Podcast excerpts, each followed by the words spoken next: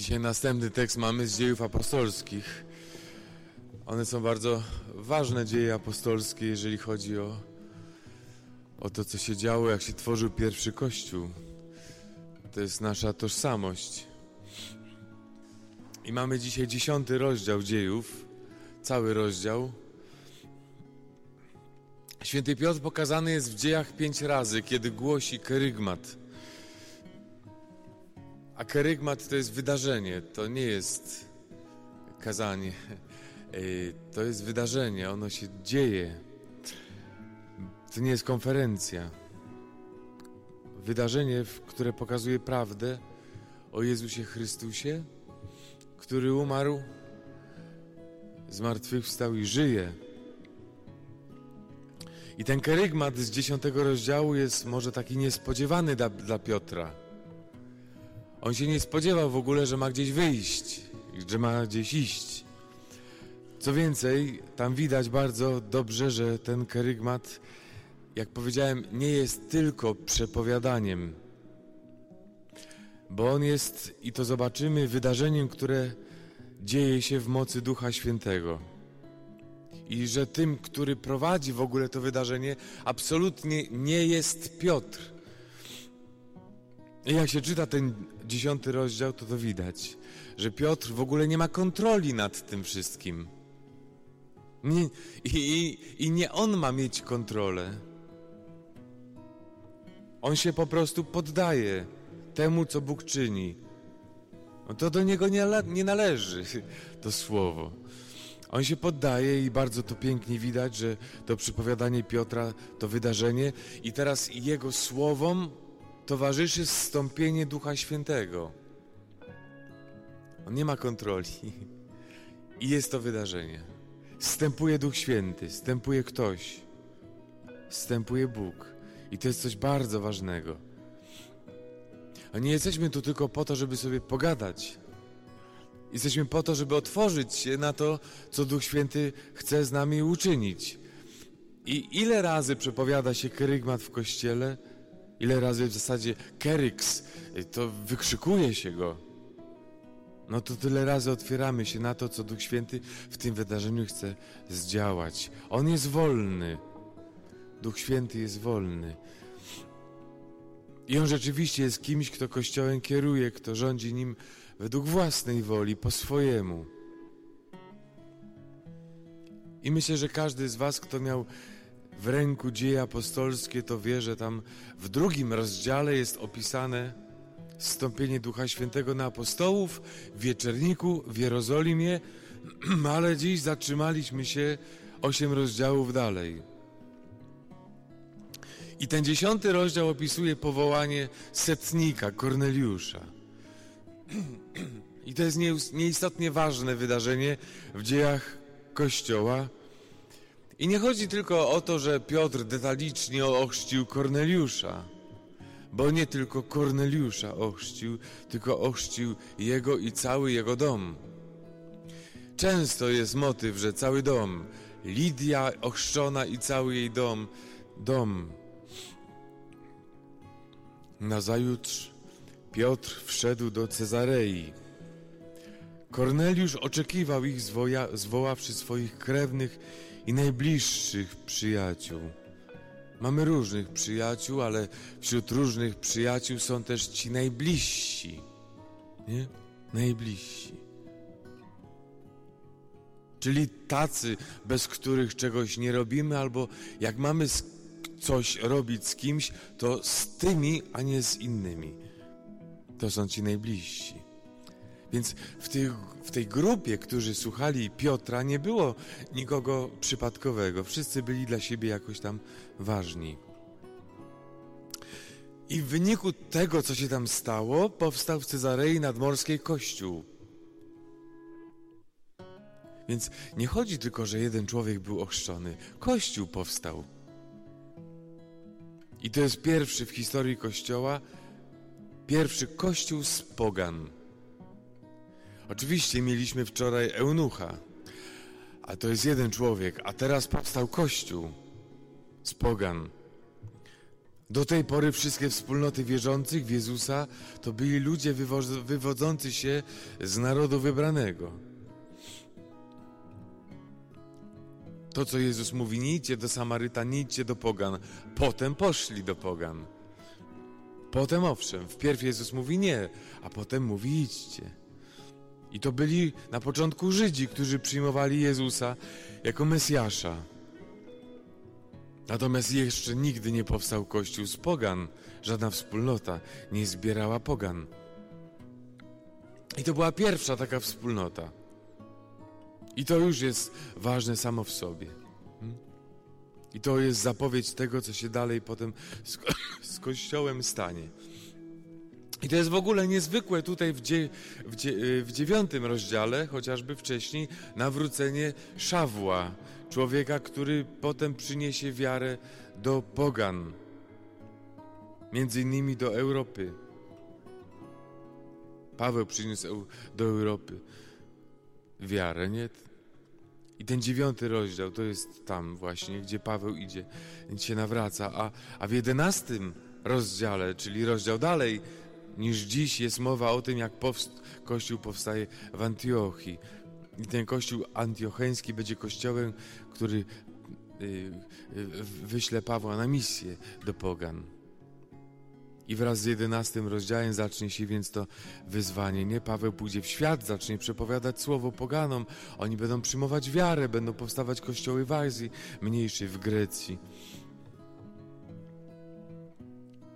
I bardzo nieoczywiste może dla jest to, że Kościół wyszedł z narodu wybranego, przekroczył wszelkie granice i dotarł aż do pogan. I potem zrobiła się z tego straszna afera,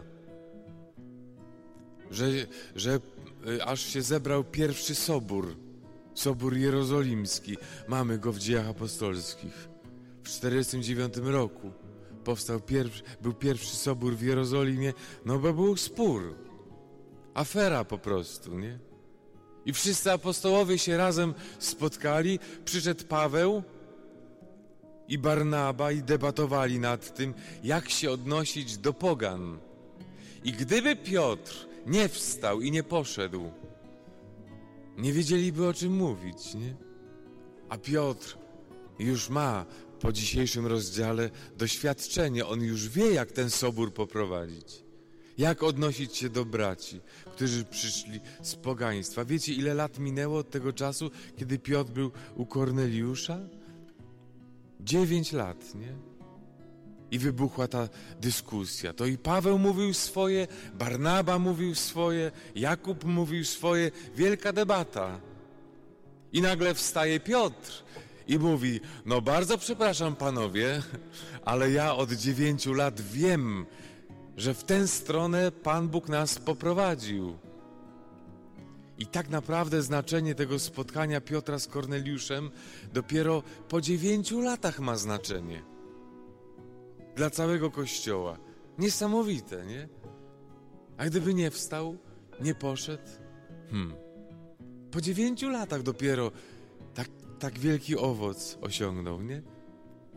I jak Piotr szedł do Korneliusza, nie miał o tym w ogóle bladego pojęcia. Nic z tego nie rozumiał. Czytaliście ten tekst, nie? Przecież on wszedł i zapytał, Piotr pyta, po co mnie tu sprowadziliście? On w ogóle nie wie, po co tam ma iść. Wie, że ma iść, ale nie wie po co.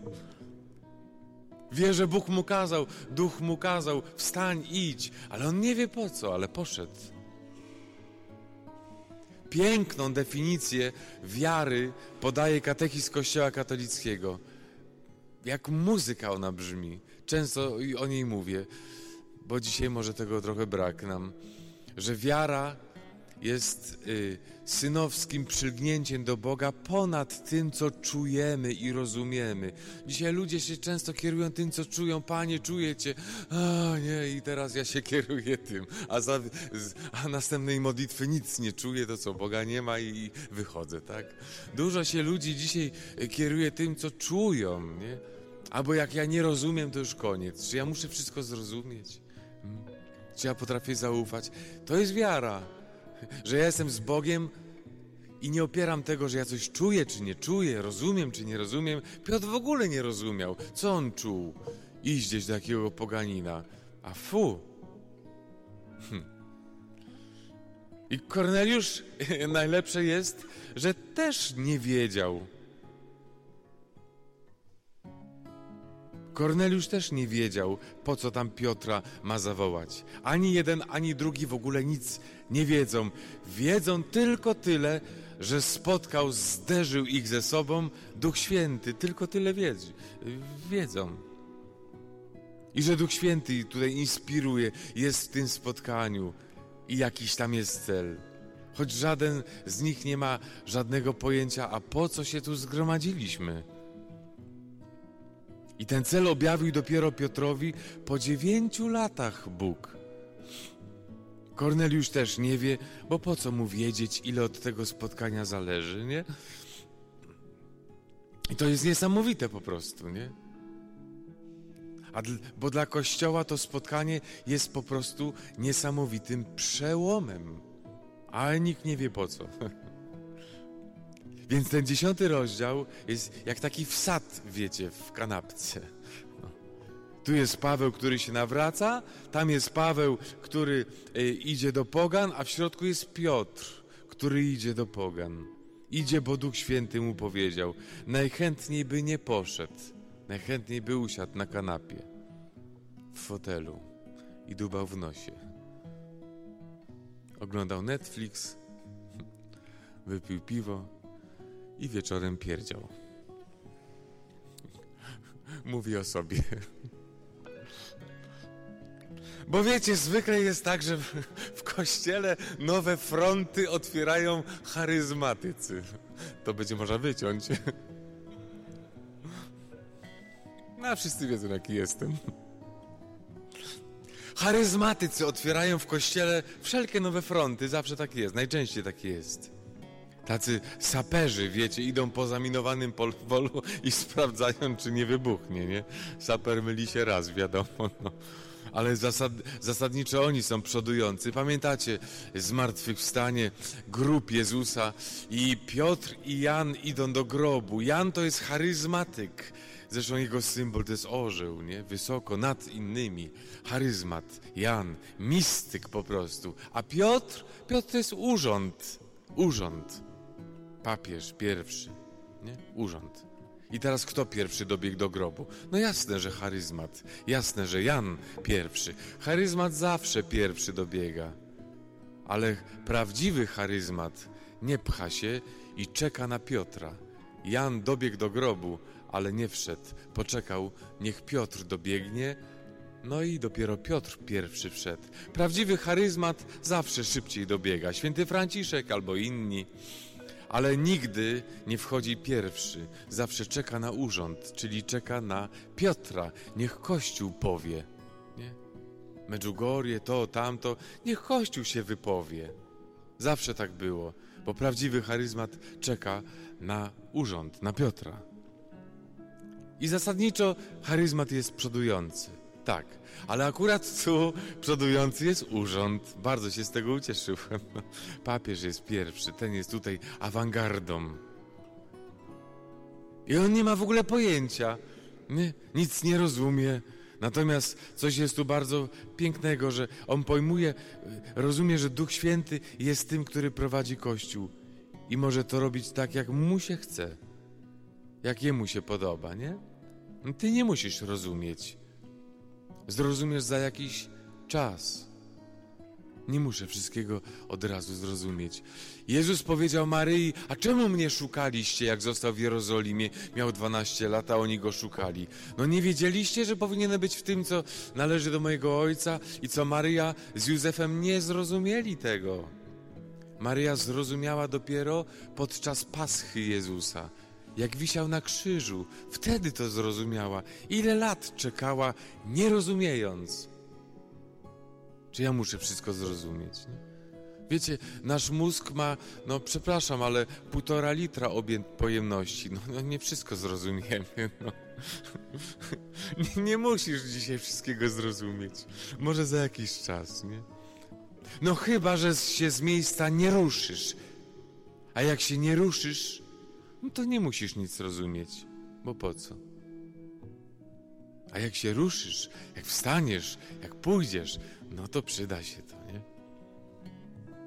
W takiej wierze wiara widzi, w jakiej się porusza. Lumen Fidei numer 9. Więc Piotr, gdyby w tej Jafie nie wstał, nie, nie ruszył się z miejsca, nie poszedł do Cezarei, no to nie zobaczyłby tego, co Bóg mu objawił. A on miał widzenie. Dostał słowo i to konkretne bardzo doświadczenie, ale dopiero jak wszedł do Korneliusza, powiedział: Przekonuje się, Duch Święty, Pan Bóg naprawdę nie ma względu na osoby. To znaczy, teraz dopiero rozumiem. Teraz dopiero rozumiem, nie? Rozumiesz? I to nie jest tak, że Pan Bóg od razu mu wyjaśnił to widzenie. Trzy razy mu objaśniał. I co z tego? Ile razy czytałeś katechizm? Rozumiesz coś? Tylko, że trzeba zobaczyć, że to się dzieje, nie? I to było to, co Piotr przeżył. Wypełnienie, zobaczył wypełnienie, wypełnienie się słowa. Przekonuje się. Teraz wiem. Bingo, nie? Teraz wiem, gdyby siedział w Jafie, nic by nie zobaczył, nic by nie wiedział. Rusz się, a zobaczysz. Nie ruszysz się, no nie rozumiesz. Bo po co? Duch Święty prowadzi Kościół. Łatwo się o tym oczywiście mówi. No, a przecież Piotr się zachowywał jak przyzwoity Żyd. On wiedział, jakie jest prawo religijne. Hmm? Piotr się modli o godzinie szóstej, w południe. Dlaczego się modli o tej godzinie? Bo Żydzi modlą się o tej godzinie, modlą się pięć razy dziennie. Również i w południe. Korneliusz tam już coś tam załapał, przychodzi o dziewiątej, czyli trzeciej po południu. I to jest bardzo piękne, że Korneliusza już Bóg w tej modlitwie prowadzi jakoś tam, nie? Pan przychodzi do niego w godzinie śmierci Jezusa, bo Jezus umarł za wszystkich, za ciebie, za mnie i za Putina, i za twojego wroga, i za jakiegoś pedofila, i za Jana Pawła II. Za wszystkich umarł Jezus Chrystus. Za wszystkich. Za Judasza i za Kajfasza i za Piłata, i za Piotra, i Pawła. I Przemka. za króla nie, ale za Janka tak.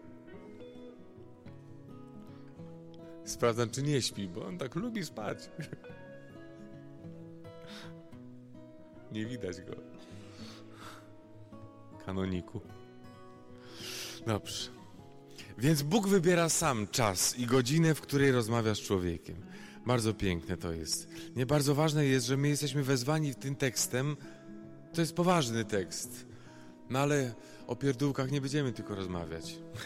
To jest, to jest ważny tekst, nie? Że on sugeruje, żeby się poddać duchowi, działaniu Bożemu, nie?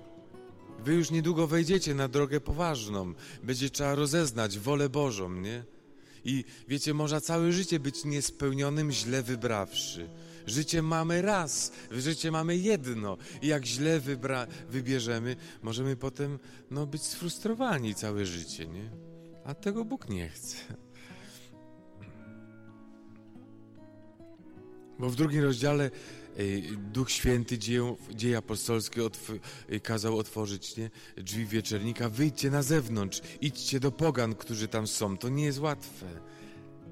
To nie jest łatwe iść do Korneliusza, nie?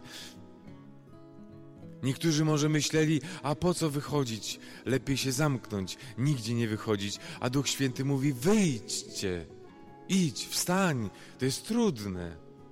Bo tu dziesiąty rozdział, Duch Święty mówi do kościoła, do Piotra: Otwórz drzwi, wpuść obcego do środka, wpuść obcego do domu. Łatwiej może wyjść do obcego, ale wpuścić go do domu? A on mówi: wpuść obcego. Wiecie, Piotr nie idzie do Żyda, on nie poszedł do przyjaciela, on poszedł do rzymskiego oficera do Cezarei Nadmorskiej, do setnika Korneliusza, a to nie jest Żyd, to nie jest kolega. Nie mają żadnej wspólnej linii porozumienia, nie? Tak po ludzku. Cezarea Nadmorska, to było tam miejsce, tam mieszkał rzymski namiestnik. Piłat tam mieszkał. Do dzisiaj są relikty bo, jego obecności, bo kazał sobie tam wydubać w kamieniach, y, prawda, napis. No i rzymski oficer.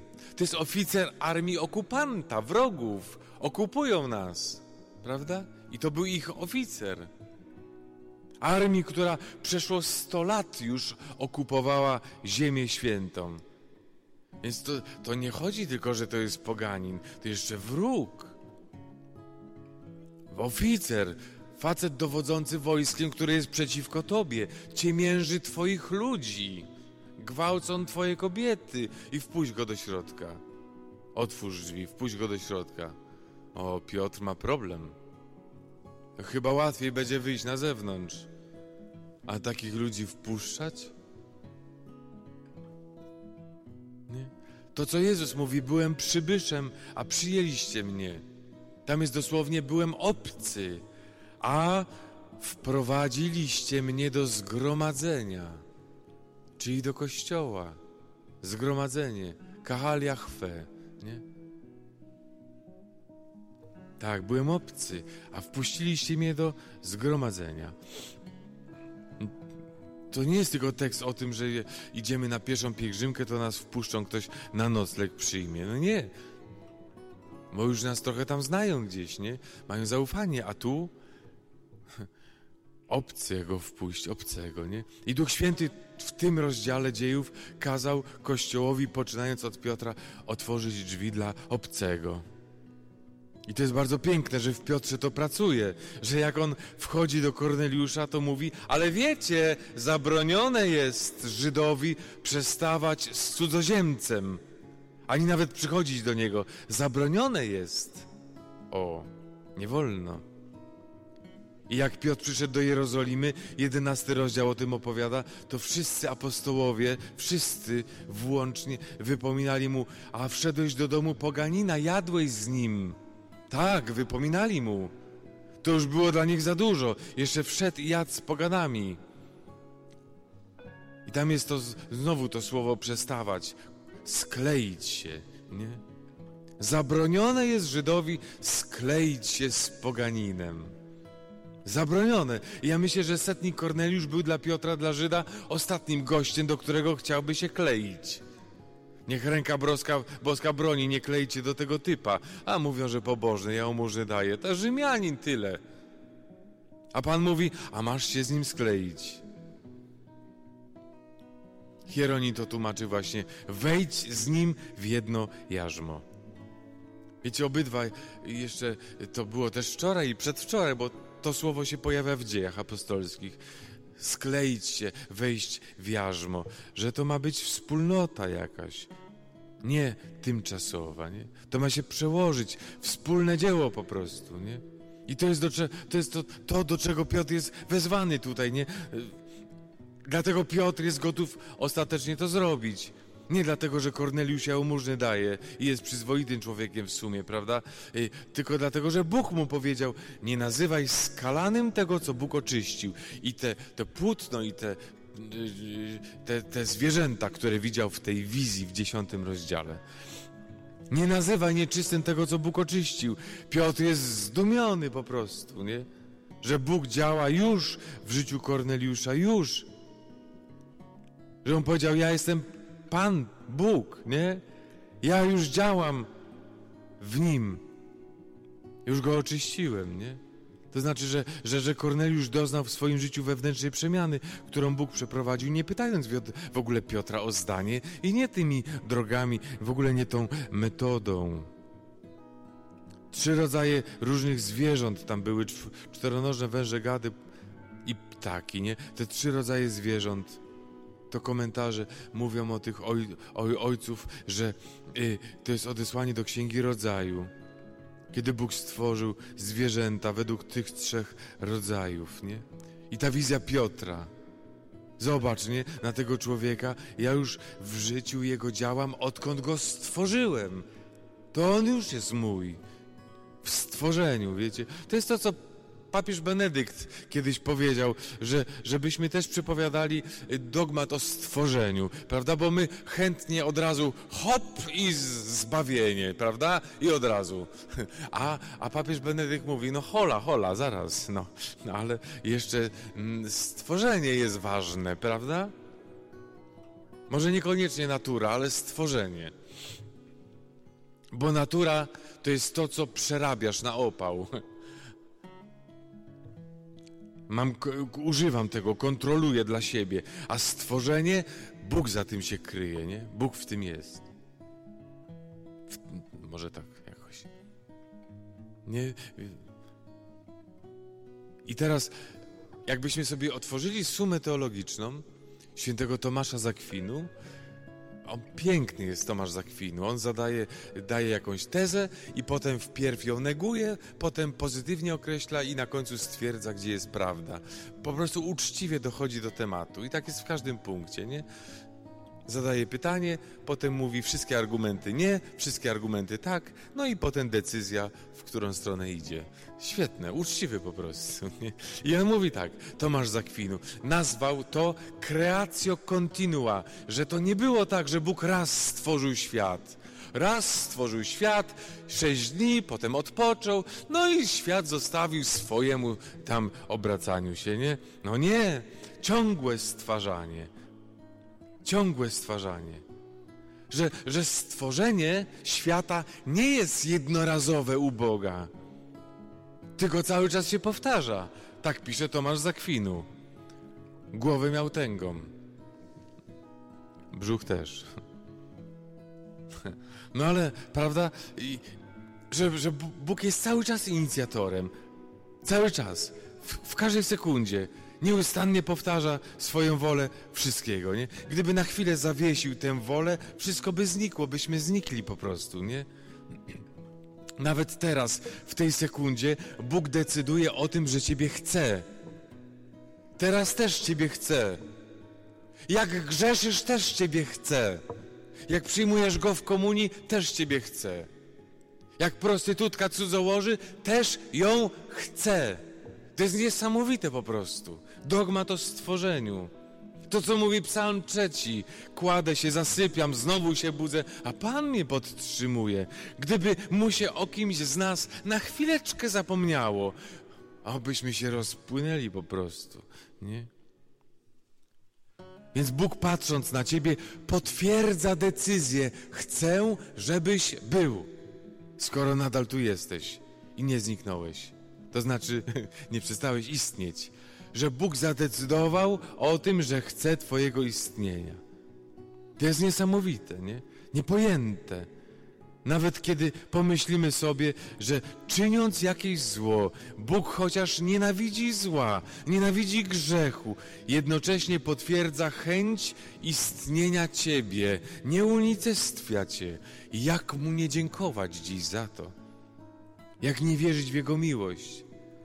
Że Bóg Cię tak kocha, że nawet kiedy grzeszysz, On chce, żebyś dalej żył. Kocha Cię. Przedwczoraj tu siedziałem na ławce i najpiękniejsze zdanie, jakie usłyszałem, ojciec Tadeusz, nie dyrektor, podszedł i powiedział, wiesz Marcin, Pan Bóg Cię kocha. Ale co? Wiesz, Tadziu, Pan Bóg Cię kocha.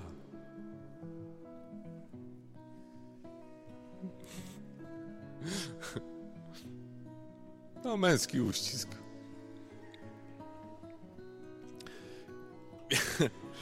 Więc jestem tu dziś, bo Bóg mnie chce. Bóg mówi: żyj. Bóg mówi: żyj. To jest bezbłędne u Tomasza Zakwinu. Creatio continua. Dobrze. Więc Bóg mu już pokazał Piotrowi przez tę wizję dzieło stworzenia. Ja już jestem w życiu Korneliusza. Ja go stworzyłem. Ja go więcej stwarzam go aktualnie. Bez Boga nie byłoby tego spotkania. Piotruś by tego w ogóle nie zobaczył. Nie zobaczył. Tak jest. Jeżeli chcesz do człowieka pójść ze słowem Boga, jeżeli wstaniesz, ruszysz w czyjąś stronę, to popatrz wpierw na niego po Bożemu. Zapytaj się, nie? Czy ty go widzisz tak, jak Bóg go widzi? Ja często niestety nie, ale słowo nas nawraca każdego dnia, nie?